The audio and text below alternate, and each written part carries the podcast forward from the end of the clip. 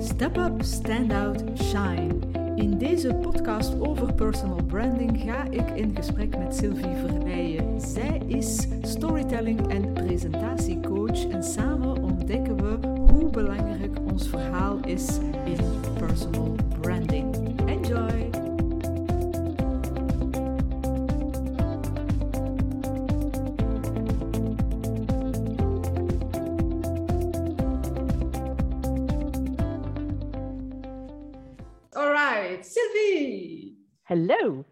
Het? En wel goed. Ah, Ik had gedacht na zoveel jaar online workshops dat ik het heb gehad. Maar nee, nee, dus nee, nee ik ben Nog heel, altijd. nog altijd heel blij. Ja, ja, ja, ja goed. Ja, fijn, fijn, fijn. Want jij, jij, als ik u leerde kennen, dan waren jij inderdaad eh, heel veel bezig met workshops te geven in companies, fysiek, hè, the good old-fashioned way. Dat was toch voornamelijk uw business, denk ik, hè? Ja, en dat was, eh, ah ja, dat was zo wat de enige manier van werken. Dat was zo de manier van werken. Eh, ik, ik dacht er zelfs niet aan om, eh, om daar iets aan te veranderen. Tot anderhalf jaar geleden. En Ja. dan kreeg ik ineens ehm, telefoon van, ik, had, eh, ik heb niet zo heel veel klanten, maar wel klanten die terugkomen, grote bedrijven, en die, ehm, die data liggen vast in mijn agenda. En dat was het maart. En dan kreeg ik telefoon van klant 1 en die zegt, ja, alle data ehm, die je in de agenda hebt, die mag je schrappen. Want we kunnen niet meer live. Hm. Ik dacht, oh my god, als al mijn klanten zo reageren, heb ik een mega probleem. Hè? En dan hadden we klant 2, waar ik ook heel veel workshops voor had. En die hadden net het andere verhaal. Eh, die zeiden van, kijk, eh, we hebben al die workshops gepland en we willen die gewoon laten doorgaan. Kan je dat ook online doen? Ik zeg, ja, ik heb dat nog nooit gedaan. En er stond al de week erna eentje gepland. We gaan dat gewoon doen. Het voordeel is wel, ik deed al lang geen volle dagen meer, maar halve dagen. Ja, En ik ben daarmee begonnen met de flipchart. Eigenlijk hetzelfde als wat ik doe live, zo wat gefine-tuned. En ja, het bevalt mij enorm en de klant is content. En weet je wat het grote voordeel is, hè, Greet? Allee, met mijn topic vind ik die ik heb, dat gaat over helder communiceren. En wat moeten we het voorbije anderhalf jaar allemaal doen? We moeten ineens online communiceren. ja, En heel veel mensen hebben moeite daarmee. Dan hoor ik van, ik voel mijn publiek niet meer, ik zie ze gewoon letterlijk niet, wat moet ik daarmee doen? Dus voilà, ben ik daar eh, die insteek gaan gebruiken. En ja, het is leuk. ja. Ja. Dus dat is eigenlijk nu een extra klemtoon, want misschien moet je eens even vertellen waar, dat u, waar dat jij inderdaad in gespecialiseerd bent. Hè? Dus helder communiceren, hoor ik u zeggen. Ja, het is eigenlijk, ehm, ik noem mezelf een storytelling coach, terwijl ik twintig jaar geleden noemde ik mezelf presentatiecoach. Ik ben daarmee gestopt omdat mensen dan denken dat mijn focus ligt op body language en PowerPoint, terwijl mijn focus vooral ligt op hoe ehm, bereid je jouw verhaal voor, hoe bereid je voor op een communicatie en hoe ga je het dan ook vertellen. Dus dat stukje storytelling is voor mij eigenlijk het belangrijkste, want ja, als je ergens iets moet gaan communiceren, dan moet je weten hoe ga ik dat daar vertellen. En als ik het heb over presentation skills, dan denken heel veel mensen van, ah ja, dat is dan om te gebruiken op een, eh, op een groot publiek, op een podium. Ik doe dat nooit, zeggen ze dan. Ik zeg, ja, maar 90% van de mensen die ik coach, moeten eigenlijk gewoon communiceren in een meeting Ja, een update geven aan management of aan collega's iets uitleggen of met de klant communiceren. En bijna iedereen die ik coach, die gebruiken eigenlijk mijn tips in die meeting setting en niet voor dat heel groot publiek. Dus dat is eigenlijk de, de focus vandaag is vooral op dat, eh, dat business publiek. Heel af en Mhm. toe voor iemand die voor een groot publiek moet staan. ja, ja. Alright. En dus, eh, als ik het goed eh, begrijp, zorg je ervoor, of help, helpt jij mensen eh, beter te communiceren, helderder te communiceren. Hmm. En storytelling, eh, storytelling maakt daar dan deel van uit? Ja. Ja. Omdat de meeste, zeker in meetingomgevingen, maar ook al voor een live publiek, de meeste mensen die iets moeten communiceren, die denken nog altijd in PowerPoint-termen. Dus de meesten gaan er automatisch vanuit, ah, ik moet iets gaan uitleggen, dus ik ga een PowerPoint gebruiken. En wat doen ze dan? Ze gaan ook de structuur van een PowerPoint gebruiken, een agenda. maar dat maakt eigenlijk niet dat je heel helder jouw boodschap gaat kunnen overbrengen. Dus ik raad hen een andere structuur aan, waar dat die storytelling in zit, wat makkelijker is voor hen, wat eigenlijk leuker ook is voor hen, maar ook veel beter te volgen voor het publiek. Dus dat is eigenlijk ja, dat storytelling gedeelte in jouw communicatie verwerken. Dat is mhm. eigenlijk, uh, en los van die PowerPoint ook wel vaak. Ja. Ja, ik, uh, ik vind dat ook uh, super belangrijk. En dus als ik het nu goed door heb, dan heb je de laatste tijd, of de laatste anderhalf jaar, daar die extra toets over van hoe kan je dat dan ook gaan doen, meer online. Ja. ja. ja. Nu, deze, deze podcast is vooral gericht op, of deze live, is vooral gericht op personal branding. In welke mate, wat, is voor u de definitie van personal branding eigenlijk? Goh, voor mij is personal branding is, um, jezelf zoveel mogelijk in iets wat jij wil communiceren, jezelf daarin steken en, en je echte zelf. Um, dus als je het bekijkt in de vorm van communiceren, is het als ik nu een bepaalde boodschap moet brengen, hoe kan ik dat personaliseren? En dat personaliseren, daar zit dan die personal branding in. En voor mij is dat dan via die storytelling, maar dan ook weer ja, je echte zelf daarin steken. Dus via, ik noem het anekdotes. Um, en, en, mensen denken dat maar in een businessomgeving kan ik dat niet doen. Ik moet daar geen anekdotes gaan vertellen. Hè. Maar mensen denken te veel dat anekdotes, dat dat persoonlijke privé dingen zijn, wauw, verhalen die ze hebben meegemaakt. Voor mij is een anekdote evenzeer een gesprek dat je had met een collega aan het koffiemachine. Maar misschien heeft die collega gesproken over een problematiek. En kan je dat gesprek gebruiken in jouw communicatie. Maar dat zijn dan zo die, die anekdotes, maar dat is dat personaliseren. En ja, durf ook ja, eigen dingen die je hebt meegemaakt, die niet zo leuk zijn om te vertellen, ja, durf dat kwetsbaar ook toelaten, want is, dat, is, dat is mooi als je dat kan doen. En we doen dat te weinig in onze communicatie. Ja, ja het is gek eigenlijk, hè, want we zijn allemaal opgegroeid met verhalen. Uh, en dan hebben we soms toch wel wat schroom om onze eigen verhalen te vertellen. Of dan denken we dat we die verhalen moeten, die succesverhalen vertellen. Zo, hè? Want dat zie je dan zo hè, bij, die, bij die goeroes. Ik, ik zeg soms, oh, dat is so 20th century. maar, eh, maar ja, dan zie je zo van die verhalen van de successen en dan ook met beelden van dat ze achter voor een, een dikke auto staan en een mooie villa en dit en dat. En de successtories gaan ze dan vertellen. Ehm, maar mensen geloven uw successen niet, tenzij dat ze ook uw struggles kennen en, en de moeilijkheden die je overwonnen hebt.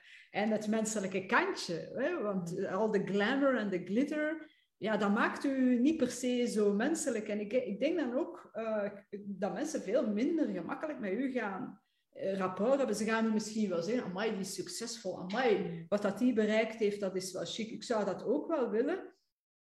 Maar of dat, dat dan altijd de personen zijn waarmee dat je wilt werken om je te laten begeleiden, dat weet ik niet altijd uh, zo. Dus uh, omdat je dan... Ja, je, je, staat te veel op het podium, bij wijze van spreken. En ik denk dat het toch wel veel aangenamer is als mensen zich kunnen erkennen, dat ze die rapport hebben met, uh, met jou. Het voordeel van dat kwetsbaar is vaak ook dat mensen zich veel makkelijker gaan herkennen. Want als je dan um, eerlijk durft zijn over iets of een problematiek of om het even wat, dan, um, ja, dan gaan ze dat herkennen en dan zijn ze ook wel meer geneigd om te luisteren, omdat ze vanuit die herkenning zich meer openstellen. Ik merk dat vaak als ik het heb over um, hoe ga je om met stress. Het, heel veel mensen denken van ja, maar ja, je zit gewoon om op zo'n podium te staan of je hebt ook op, op, televisie dan... Uh, dat nieuws gepresenteerd, dan denken ze van ja, maar dat is, dat is, dat simpel. Hè? Maar dan zijn ze altijd verbaasd als ik zeg van ik ben een stresskip. Hè? Ik, eh, ik, sterven is een groot woord, maar toch wel. En ik heb dat vooral gemerkt. Hè? Het zevende, ik heb zeven jaar het nieuws gepresenteerd. Dat zevende jaar, dan zit je daar elke donderdag in die televisiestudio, verbonden via een oortje met die regisseur. En dan hoor je die regisseur zeggen, attentie studio voor live, vijf, vier, drie, en dat, dat hart, hè, ja, dat, dat, dat, bonst alsof dat uit je borstkas gaat springen. En op een bepaald moment dacht ik wel van, maar allez, hoe komt dat nu? Ik ben dat nu al zeven jaar aan het doen. Ik heb dat bij live dingen ook. Hè. Iedere keer dat je aangekondigd wordt. En uh, ja, dat is echt wel... Ik tril, hè. Mensen zien dat niet. Maar uh, die denken van, ja, die heeft dat niet meer. Jawel, als die gewoon in mijn lichaam zouden kunnen kijken. En ik vind het altijd gewoon leuk om dat, om dat ook mee te geven, om dat te vertellen. Ik heb ook momenten meegemaakt. Ik heb zelfs momenten meegemaakt um, als ik bij VT4 presenteerde. En dan dacht ik, oké, als ik mij zo ga voelen, iedere keer vlak voordat ik een, uh, op antenne moet, dan stop ik ermee. Want het is gewoon, allee, het, is, het is niet meer leuk. Ik was ja. zo gefocust op ja, angst was het bijna. En um, ja, hoe ga je daarmee om? En dat is dan wel leuk om, om tips en trucjes mee te geven van het is mogelijk. Hè? Ik was ook een mega verlegen kind. Ik ben een introvert. Mm-hmm. En gewoon om mee te geven van als introvert, hoe kun je ook op een podium staan? Ja, dat is eigenlijk een van mijn favoriete verhalen die ik meegeef. Je moet geen zo'n springend veld zijn, uh, maar je kunt ja, door oefening en door trucjes toe te passen, kan je ook wel heel veel doen. En dat, ja, dat authentieke en die durf om je kwetsbaar op te stellen, maakt daar toch ook wel een belangrijk deel van uit. Ja. Zeg, uh, met dat we dan toch over trucjes hebben, hè, ik kan het toch niet laten liggen. Vertel eens, wat is er zo een van uw die gouden tips die je kunt geven aan mensen die stress hebben um, om te communiceren? Of dat nu via video is, op een podium is, in een, in een meeting is, een belangrijke boodschap, whatever. Uh... Maar ik ga wel het verschil maken tussen live en video. Mm -hmm of online, omdat er gewoon een mega groot verschil is daartussen. Ah, ja, okay. En live um, zijn eigenlijk drie tips die ik wil meegeven in een live omgeving. En mijn eerste tip is, um, als je staat voor een publiek, ga zo dicht mogelijk voor dat publiek gaan staan. En die idee die erachter is, hè, uw stress dat komt vanuit uw, uw brein, uw denken en uw brein zit in die... Uh, oei, help, help, help, het is hier een uh, mega gevaarlijke situatie. Als jij dan ver van jouw publiek wegblijft, dan voed je jouw brein, oei, oei, ja, het is hier echt wel uh, problematisch. Dus ga dicht voor jouw publiek gaan staan, want dan geef je een signaal aan jouw brein, situatie is oké. En dan als tweede tip geef ik mee, want veel mensen vinden het moeilijk, hoe moet ik daar nu gaan staan? Wat moet ik doen met mijn handen? Ga gewoon eens op TED.com gaan kijken. Of bekijk andere sprekers op tv, maar, maar TED.com is eigenlijk wel een goede site daarvoor, omdat je gewoon heel veel sprekers ziet. Zet de, het volume volledig uit en analyseer gewoon hoe staat die spreker daar nu, maar vooral het moment als de spreker niets zegt. Dus de pauzemomenten tussenin. Dus wat is de, ik noem het de basishouding. En ga je zien dat er een houding is die constant terugkomt.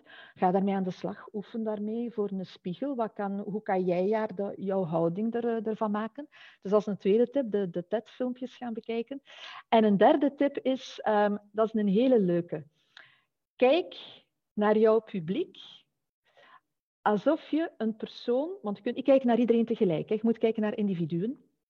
Dus kijk naar een individu alsof je die persoon een glas wijn wil inschenken.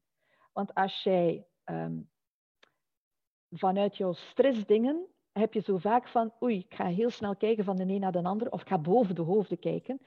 Maar als jij de durf hebt om echt een soort van tijd-à-tijd aan te gaan, zo precies een kort tijd-à-tijd moment met iemand in een restaurant, dan ga je een enorme rust uitstralen, terwijl hij sterft van binnen. Hè. Maar het is heel mooi hoe dat je met zo'n kleine trucjes, hoe dat je ja, die rust kunt uitstralen. Het oogt letterlijk rustig, terwijl dat hier van binnen, en dan krijg je feedback alle, amai, je stond daar zo relaxed. Dan denk je, nee, ik stond daar helemaal niet relaxed, maar het zag er zo wel uit. Ja. Dus in een live omgeving zijn dat zo de, ja, zo wel een paar waar je zo een keer mee aan de slag kunt. Online is simpel, hè. Wat dan mensen online zo fout doen, hè. Eh, stel, we zitten, we zitten in een meeting samen, hè, Greet. En dan, uh, dan uh, leid je de meeting in en dan zeg je van... ah, Sylvie, jij wil graag een update geven over de status van blablabla. En wat zegt de Sylvie in kwestie dan heel vaak? Ja, denk je wel, Greet, ik ga mijn scherm even delen. Maar als je je scherm deelt, dan, dan ben ik verdwenen, want focus gaat naar dat scherm. Maar dan ben jij ook verdwenen. Soms zie je ze nog wel, hè, de spreker zo heel klein. Maar je kunt je niet voorstellen hoe moeilijk het is om naar iemand te luisteren als je de persoon niet ziet. Dus mijn gouden tip is, als je online het woord krijgt dat je, je wil iets uitleggen, dan zeg je in plaats van uh, ik ga mijn scherm met jou delen, dan ga je zeggen, weet je, je zien we in een online situatie zitten. Ik wil heel graag geconnecteerd blijven, dus ik ga het heel kort houden, niet meer dan vijf minuten. Ik ga geen slides gebruiken. En vertel gewoon, want dan blijf je online. Want de grootste problematiek die ik hoor van mensen online is, ik voel mijn publiek niet meer, want ik zie hen niet. Ah, zorg ervoor dat je online blijft. Maar dat moet er ook wel goed wat uitzien. Hè? Dus dan heb ik nog wat trucjes van, ja, moet je zorgen dat die camera, uh, dat je daarmee kunt werken, maar ja, blijf vooral online. Ja. Vertel je verhaal, maar dan moet je wel goed voorbereid zijn, hè? dan moet je het wel weten. Ja. Ja, want vaak is, het, is de PowerPoint of de, eh, dus de slide of wat is het, uh, een beetje een, een verbergen achter. Hè? Zeker weten. En dan denken sprekers dat gaat gemakkelijker zijn. Want dan uh, zien ze mij niet, dan kijken ze op uh, de slide, maar dan weten ze eigenlijk niet. Ze weten het vaak wel, hè, maar er staat wel wat informatie op die slide. Mensen in dat publiek die beginnen te lezen. Hè. Ben je aan het lezen, dan ben je als spreker eigenlijk een stoorelement. Want als ik aan het lezen ben, jij kan niet exact zeggen, net op het moment dat ik iets aan het lezen ben, dus ik moet die zin misschien dan nog een tweede keer lezen, want jij was ondertussen aan het spreken. Dus het gevolg is voor het publiek, hè, je leest met één oog en je doet je best om te luisteren met één oor, maar communicatie gaat gewoon verloren. Ja. Ja, nee, absoluut. Eh, ik, ik ben ook niet zo de grootste fan van, uh, van slides. Uh, misschien heb ik dat wel destijds van u geleerd, dat zou wel eens kunnen. Ik, ik ben al in de leer geweest bij jou meerdere keren, denk ik. Hè? Dus, uh, maar inderdaad, die slides hoeven niet altijd erbij te zijn. Hè? Of die leiden af. Of het is een slide die misschien één woord, één zin, één beeld geven, maar niet de, de 500 bullet points met heel veel tekst. En jij hebt mij dat ooit ook eens als tip gegeven van... Um, je mag een ganse slideshow hebben met een ganse hoop tekst en dit en dat, maar je maakt dat als handout en die geef je achteraf mee ja. of voorhand mee, ja. whatever, maar niet als presentatie. Voilà. Ja. En dat is de grootste fout, zowel live als online. Hè. We weten dat we een, um, een gedetailleerd PowerPoint-document moeten maken. Het wordt soms ook gevraagd. Hè stuur op voorhand de slides door. Ik heb lang gevochten hè, tegen dat gedetailleerde document. Maar ik heb mijn, mijn, mijn strijd, ja, die heb ik eigenlijk gestaakt. Ik denk hè, op het moment dat ik Philippe van der Voort heb geïnterviewd. Want ik ben op een bepaald moment wat interviews gaan doen. En Philippe van der Voort was toen de CEO van Microsoft. En een man die heel goed presenteert. En uh, alles wat hij op dat moment vertelde over zijn eigen presentaties op een, voor een groot publiek, dat uh, klopte helemaal met wat ik predik. Maar ik zat toen nog in mijn fase van ik moet mensen drillen om altijd visuele slides te maken in meetingomgeving ook en weg van dat gedetailleerd. En op een bepaald moment zegt hij, ik vind het niet erg dat mijn team gedetailleerde slides maakt, zolang ze maar een duidelijk verhaal vertellen. Het enige wat ik hoorde was, ik vind het niet erg dat mijn team gedetailleerde slides maakt. En ik dacht, oké, nu moet ik wel weten wat dat in hem bedoelt. En uh, hij verwees naar de maandagochtendmeeting. In de maandagochtendmeeting zat hij altijd in de auto. Dus in de auto is hij verbonden uh, met zijn team. Dus het enige wat dat team kan doen, is aan hem vertellen. Dus als ze dan mijn tips zouden gebruiken van hoe kun je nu een, een duidelijk gestructureerd verhaal gewoon vertellen, ja, dat zou fantastisch zijn, maar je kan gewoon luisteren. Dus hij zegt, als ik dan um, op kantoor kom, dan kijk ik naar de slides. Is dat dan een mooi grafiekje of een niet zo mooi grafiekje? Dat doet er voor mij niet toe. Maar ik heb het verhaal wel al gehoord in de auto. En dan dacht ik, dat is het ik ga er nooit in slagen om mensen te overtuigen om um, visuele slides te maken. En ondertussen ben ik er eigenlijk van overtuigd, in een meetingomgeving moet je dat ook niet doen. Die visuele, mooie, beeldende slides, dat is goed voor uh, een, een, groot publiek. Stel, je hebt een boek geschreven, Greet mensen komen zo soms al bij mij van, ja, ik moet over dat boek gaan spreken voor een groot publiek. Ja, dan moet je visuele slides gebruiken. Maar ga je in een meeting een update geven van de cijfers, ja, dan moet je geen visuele slides maken. Maar dan moet je wel nadenken, dit is mijn rapport. Dat is wat dat, hij dan ook zei, hè? dat is het rapport. Maar wat is mijn verhaal bij dat rapport? En wat dat je kunt doen, en wat ik merk ongelooflijk goed werkt, vertel gewoon dat verhaal. En soms kun je daar wel een keer een slide bij laten zien, maar niet gewoon heel uw rapport en daar commentaar bij geven. En dat is waar we vanaf moeten, maar ach, het zit er nog niet in, Greet. We zijn er nog niet. Ik ben al twintig jaar bezig. Ik hoor al twintig jaar dezelfde klachten. Maar ik ben blij, hè? dan kan ik mensen blijven inspireren en helpen. Ja, ja. ja het is wel grappig. Er zit een evolutie in. Hè? Dus, uh... Maar goed, ik denk dat zelfs de meest droge materie die we te vertellen hebben, al zijn het de kwartaalcijfers en dergelijke, als je daar inderdaad uh, het verhaal in brengt, en dat betekent dan niet dat we dat overdreven moeten gaan met allemaal privéverhalen gaan vertellen, maar wel de, de point. Wat is nu eigenlijk het punt dat je wilt maken? Ja. Uh, wanneer ik begin met een, uh, als ik een presentatie moet geven, wel, whatever, ik, ik ga eerst altijd eerst nadenken over dat is mijn manier. Hè. Ik zeg niet dat dat de manier is, en misschien ben ik helemaal verkeerd, I don't know. Maar waarom geef ik hier die presentatie en wat is, de wat is het resultaat dat ik wil bereiken? Hè? Wat wil ik dat het publiek met deze presentatie of na deze presentatie weet, doet, whatever. zo. Ja. Uh, en dan afhankelijk of dat het al dan niet uh, commercieel getint is, ga ik nadenken van en wat zijn mogelijke belemmeringen die er zouden kunnen zijn voor mensen om in actie te treden. En dan ga ik uh, daar de verhalen door vertellen. Hè. Niet, niet weer niet met cijfers enzovoort, maar eerder in, uh, onder de vorm van verhalen. Ja, dat ik het zelf heb meegemaakt. Net wat jij daar zegt, hè, die stress. Ja, uh, ja maar ja, hè, bijvoorbeeld, ja, maar ja, ik moet nooit niet op een podium staan. Zo van, ja, maar, hè, dus daar gaat het hem niet over. Het is in het alledaagse leven hebben wij ook op bepaalde momenten heel belangrijke boodschappen te vertellen, waar dat we soms bevangen worden door stress. En hoe gaan we daar dan mee, mee om? Zodat we toch die boodschap kunnen overbrengen. Want daar gaat het hem eh, uiteindelijk over. En als je dan je eigen verhalen daarin, of andermans verhalen, maar ik vind de eigen verhalen de meest uh, sterke, ja, dan, dan gaat de boodschap ook beter overkomen, denk ik. Gaat er meer rapport zijn en gaat het langer blijven hangen.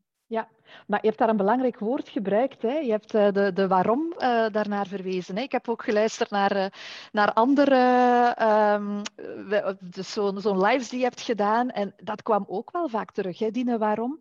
Dus ja. je hebt dat, die authenticiteit met die waarom. Eigenlijk alle tips die ik geef, hoe ga je jouw verhaal opbouwen, die zijn eigenlijk gefocust op die waarom. Waarom ben je daar? Waarom is belangrijk en interessant dat het publiek naar jou gaat luisteren? En wat wil jij bieden aan jouw publiek? Want dat is, dat is de reden waarom dat je daar gaat communiceren. Hè. Maar wat doen wij nu in onze manier van communiceren? Focussen op die wat. Wat is mijn topic? En wat is de structuur die ik ga gebruiken daarbij met een agenda? Dus ja, we moeten hier een shift hebben van die wat naar die waarom. Maar de meeste mensen ja, blijven presenteren vanuit die wat, omdat je vaak van niet beter weet. Dat is het voorbeeld dat je ziet. Je manager presenteert ook zo. Je manager vraagt ook om al die details daarin te steken. Dus als je het, uh, de tips niet meekrijgt van hoe kun je die shift maken naar die, naar die waarom, Sommigen hebben het van nature al in zich, maar de, de meeste eigenlijk niet. Maar die shift is wel, dat is wel zo'n eye-opener. Maar ja, dan moet je er ook uh, voor openstaan en, en weten hoe dat je dat kunt doen. Maar door die shift naar die waarom, kun je dat veel beter personaliseren. Kan je veel beter die anekdotes daarin steken. Dus kun je die branding daar ook meer insteken. Ja. Ja, en die anekdotes is wat, uh, dat hoeven niet allemaal zo de assenpoester-verhalen te zijn van, eh, eh, rags to riches verhalen. Weet je, kunnen echt van die kleine dingetjes zijn maar ja. Uh, waarin dat je... Ik, ik doe dat constant inderdaad. Hè. Dus uh, als mijn hond weer uh, werd aangevallen door een andere hond en dan wat dat met mij teweeg gebracht had en dat ik dan wenend bij mijn man daar thuis kwam en dat hij zei, wat is dat met u? En ik zei, ja, het, het moet kunnen, het mag. Ik heb ook mijn gevoelens en ik dacht dat mijn hond eraan was, whatever. Zo. Maar dat zijn die anekdotes ook die kunnen ja. Eigenlijk een, uh, een, ook weer een punt geven. Dat hoef ik ja, niet. met die uh, ik noem het privé-anekdotes, die zijn perfect om te gebruiken als je voor zo'n groot publiek gaat spreken en je zit in een inspirerende omgeving. Dat zijn dan bijvoorbeeld de mensen die ik coach, die een boek hebben geschreven en die moeten dan voor dat groot publiek gaan spreken. En de, ik merk de anekdotes die daar gebruikt worden, dat zijn um, vaak heel persoonlijke anekdotes, vaak ook problematieken die ze meegemaakt hebben, maar dat is om te inspireren. Als je in een, in een meetingomgeving zit of in een businessomgeving, moet je zelden inspireren. Ja. Daar moet veel mensen denken, die zeggen, ja, maar ik moet niet inspireren, ik moet informeren. Maar ik wil altijd zo die, die laag dieper, ja, maar oké, informeren, maar waarom is jouw informatie belangrijk? Ah, ik moet ze overtuigen. Oké, dan moet je niet informeren, dan moet je overtuigen.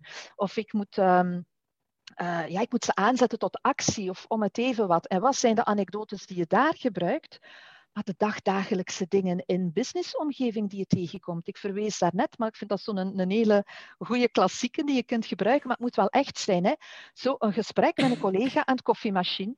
En dan kun je bijvoorbeeld beginnen met, gisteren had ik een gesprek met blablabla, want misschien had je het over een problematiek, want heel vaak is het interessant om probleemsituaties, om dat bijvoorbeeld te gebruiken als anekdotes, omdat niet iedereen hele team of mensen in het bedrijf zijn daarvan op de hoogte, maar dat maakt het wel duidelijker. Of ik zeg vaak, je zoekt het niet te ver. Hè. Je kunt verwijzen naar een vorige meeting, maar dan niet algemeen naar de vorige meeting, maar wel iets wat jij je herinnert. Dat maakt het anders. Iets wat jij gezegd hebt.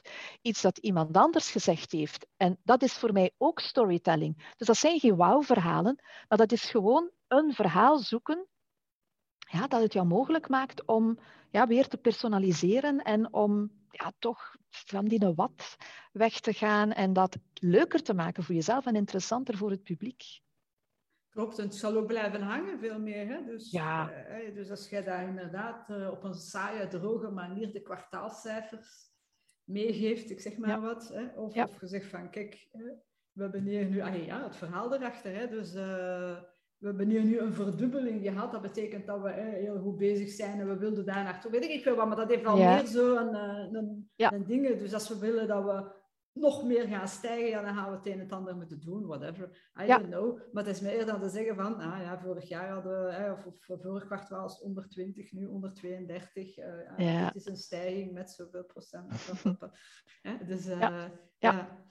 Mm En ik denk inderdaad, als we naar personal branding gaan kijken en we kijken naar uh, presenteren, communiceren, um, uh, whatever eigenlijk, hè, dus dat dat stukje storytelling, ja, ik zou zeggen, dat moet er bij wijze in, in zitten. Um, als jij naar buiten wil komen, het is de bedoeling dat je inderdaad door je personal brand, je onderscheid van de massa en klanten gaat aantrekken in het geval van personal branding, in mijn geval. Dus, hè, dat voor ondernemers die meer klanten willen gaan aantrekken uh, en daardoor hun business laten boosten, ja, dan, dan is het belangrijk dat daar een stuk van ons in zit. Het is personal brand, het is geen employer brand of, of weet ik veel, company brand, het is personal brand en dat is dus het stuk van jezelf er echt durven in te zetten.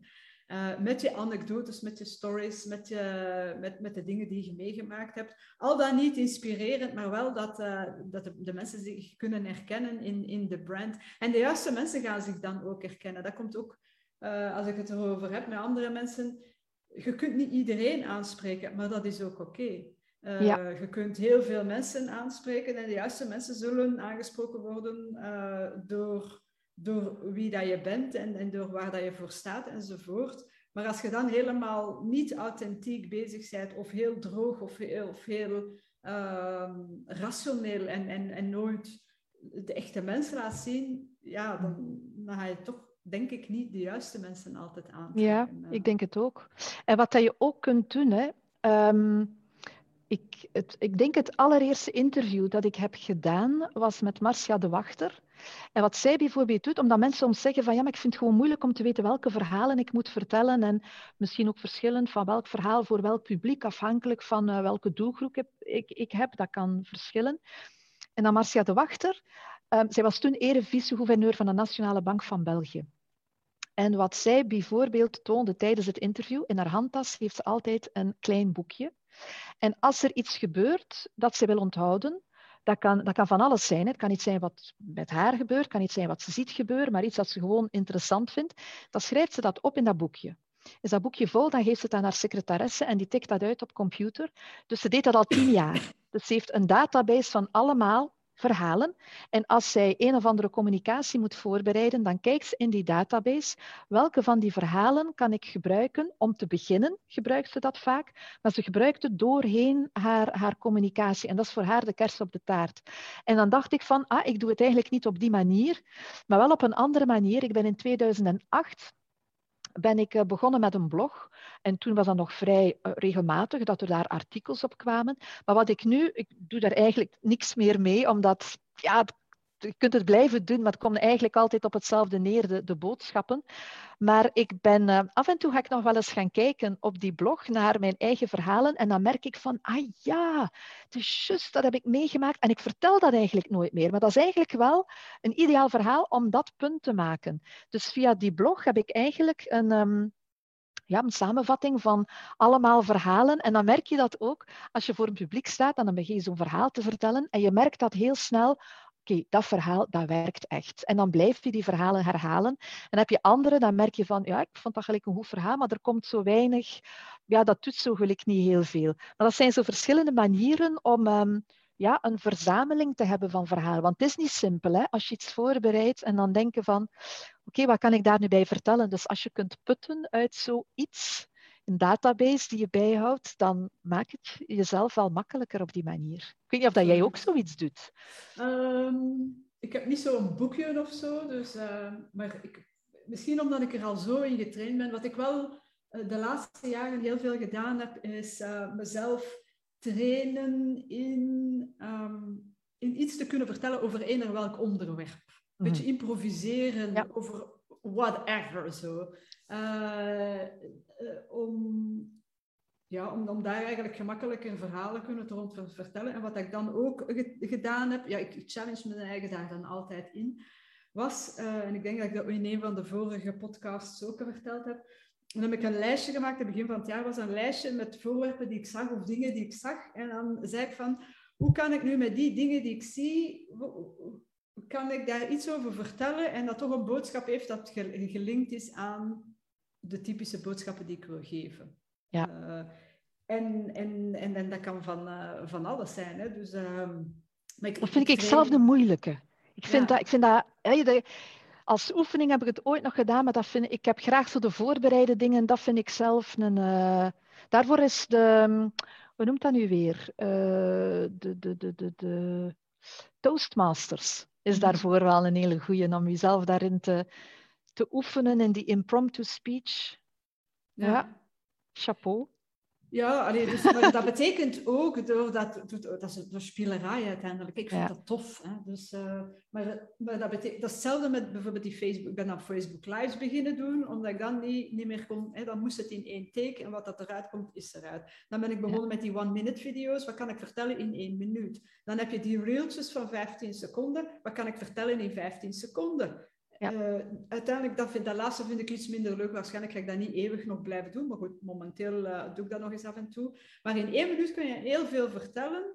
Uh, of kan je toch tenminste een belangrijke boodschap meegeven met voldoende fundering, ja. zonder de blabla die er ja, allemaal bij komt. Klopt. En dat, zijn, ja, dat zijn de oefeningetjes die ik mezelf maak. Maar dus als voorbereiding voor presentaties, ik ga dan vooral nadenken, ook in de, in de, in de, in, welke boodschap wil ik hier brengen? Wat is het waarom dus inderdaad? Hè? Mhm. Dus wat is het resultaat, de call to action? En dan wat zijn de objections? Hè? Dus de, de, mm. wat zijn mogelijke dingen dat mensen niet willen luisteren? Of, en vooral bij dat laatste pak ik heel veel voorbeelden uit het leven gegrepen. Ah ja, dat is, dat is het beste. Um, om, om, om, om toch dat gevoel te geven van, ja, ik ken het, ik herken het, ik heb het ook mee, ik had ook dat bezwaar. Ja. Deze ja. avond geef ik bijvoorbeeld de training samen met Peter over... Uh, uh, over sales en de sales mindset. Ja, daar kan ik duizenden één verhalen van vertellen. Want bij mij was sales mindset altijd een, uh, de, de, mindset, altijd schrik om aan sales te doen enzovoort.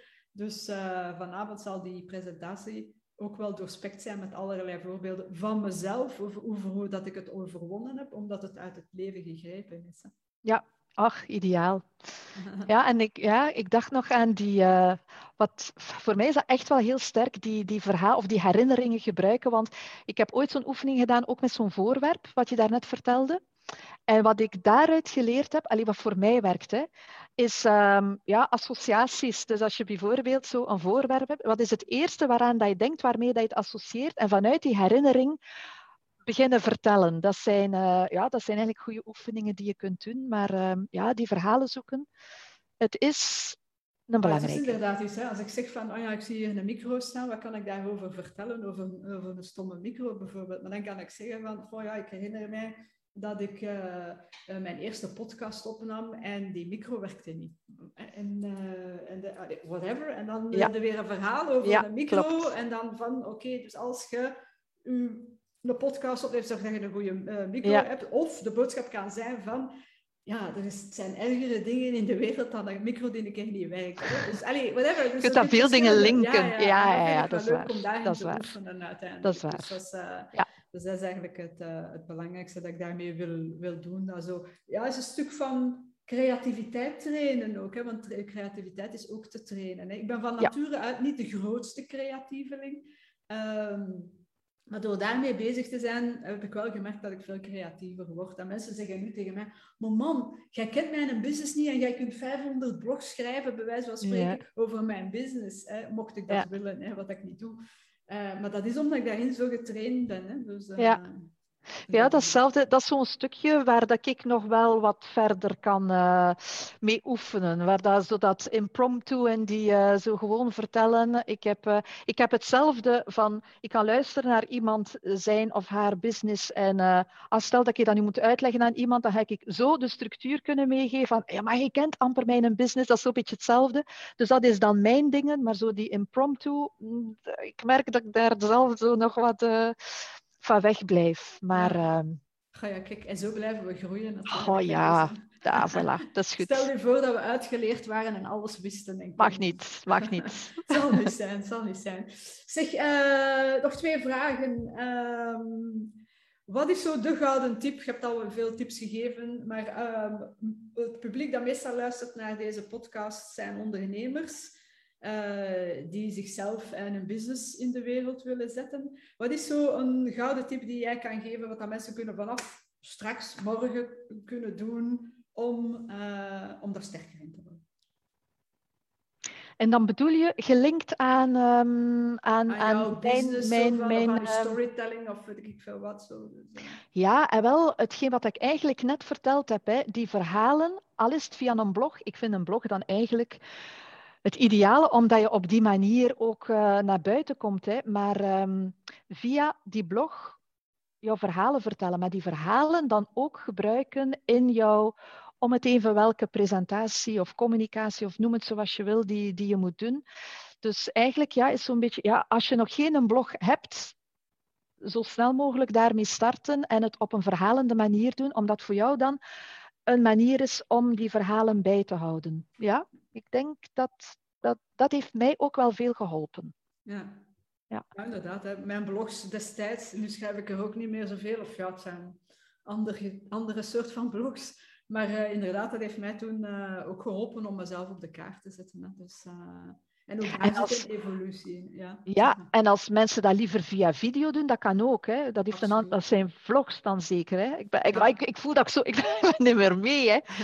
maar dat is zo meer als je zegt, ja, ik doe dat gemakkelijker eh, op camera. Wat voor de meeste mensen niet het geval is. Maar dan, dat, is, dat is eigenlijk hetzelfde. Hè. Maar ja, je kunt dat dan ook bijhouden. Ja, voilà. Of, dat of is, uh... podcast, hè? audio. Ah ja, dat is iets dat ik dus niet doe. Hè. Ja. Ja, ja. Dus uh, er zijn verschillende verhaaltjes. Verhaaltjes, Verhaaltjes ergens op een bepaalde manier, blog, vlog, podcast. Ja. Yes, alright, super. En mijn laatste vraag, waar kunnen mensen nu vinden als ze zeggen, amai, hè, Sylvie is wel een interessante dame, ik wil me laten begeleiden eventueel. Uh, waar kunnen mensen jou vinden? Uh, heel eenvoudig, sylvieverleijen.be. Alright, super. Ja. Ik zal het er ook nog onder zetten en dan kunnen de mensen daar contact met jou opnemen. Lieve Sylvie, mag ik uh, u bedanken voor ons uh, gesprek. Het was, het was lang Jij bent bedankt. elkaar nog gezien ja, ja. Ja, ja, ja, ja. ja, ik vond het heel fijn. Je bent heel yes. erg bedankt voor de uitnodiging. Ja, ja, heel graag gedaan. En als we terug uh, gezellig mogen op stap gaan samen, dan gaan we dat zeker en vast doen. We gaan dat zeker doen. Kijk er al naar uit. Goed. All right. Bye bye. Bye bye. Tada. Super tof dat je erbij was. Wil je meer weten over personal branding, persoonlijke groei, businessgroei? Ga dan zeker naar mijn website greetbunnens.be. Daar vind je nog heel veel leuk gratis materiaal. Enjoy, bye bye.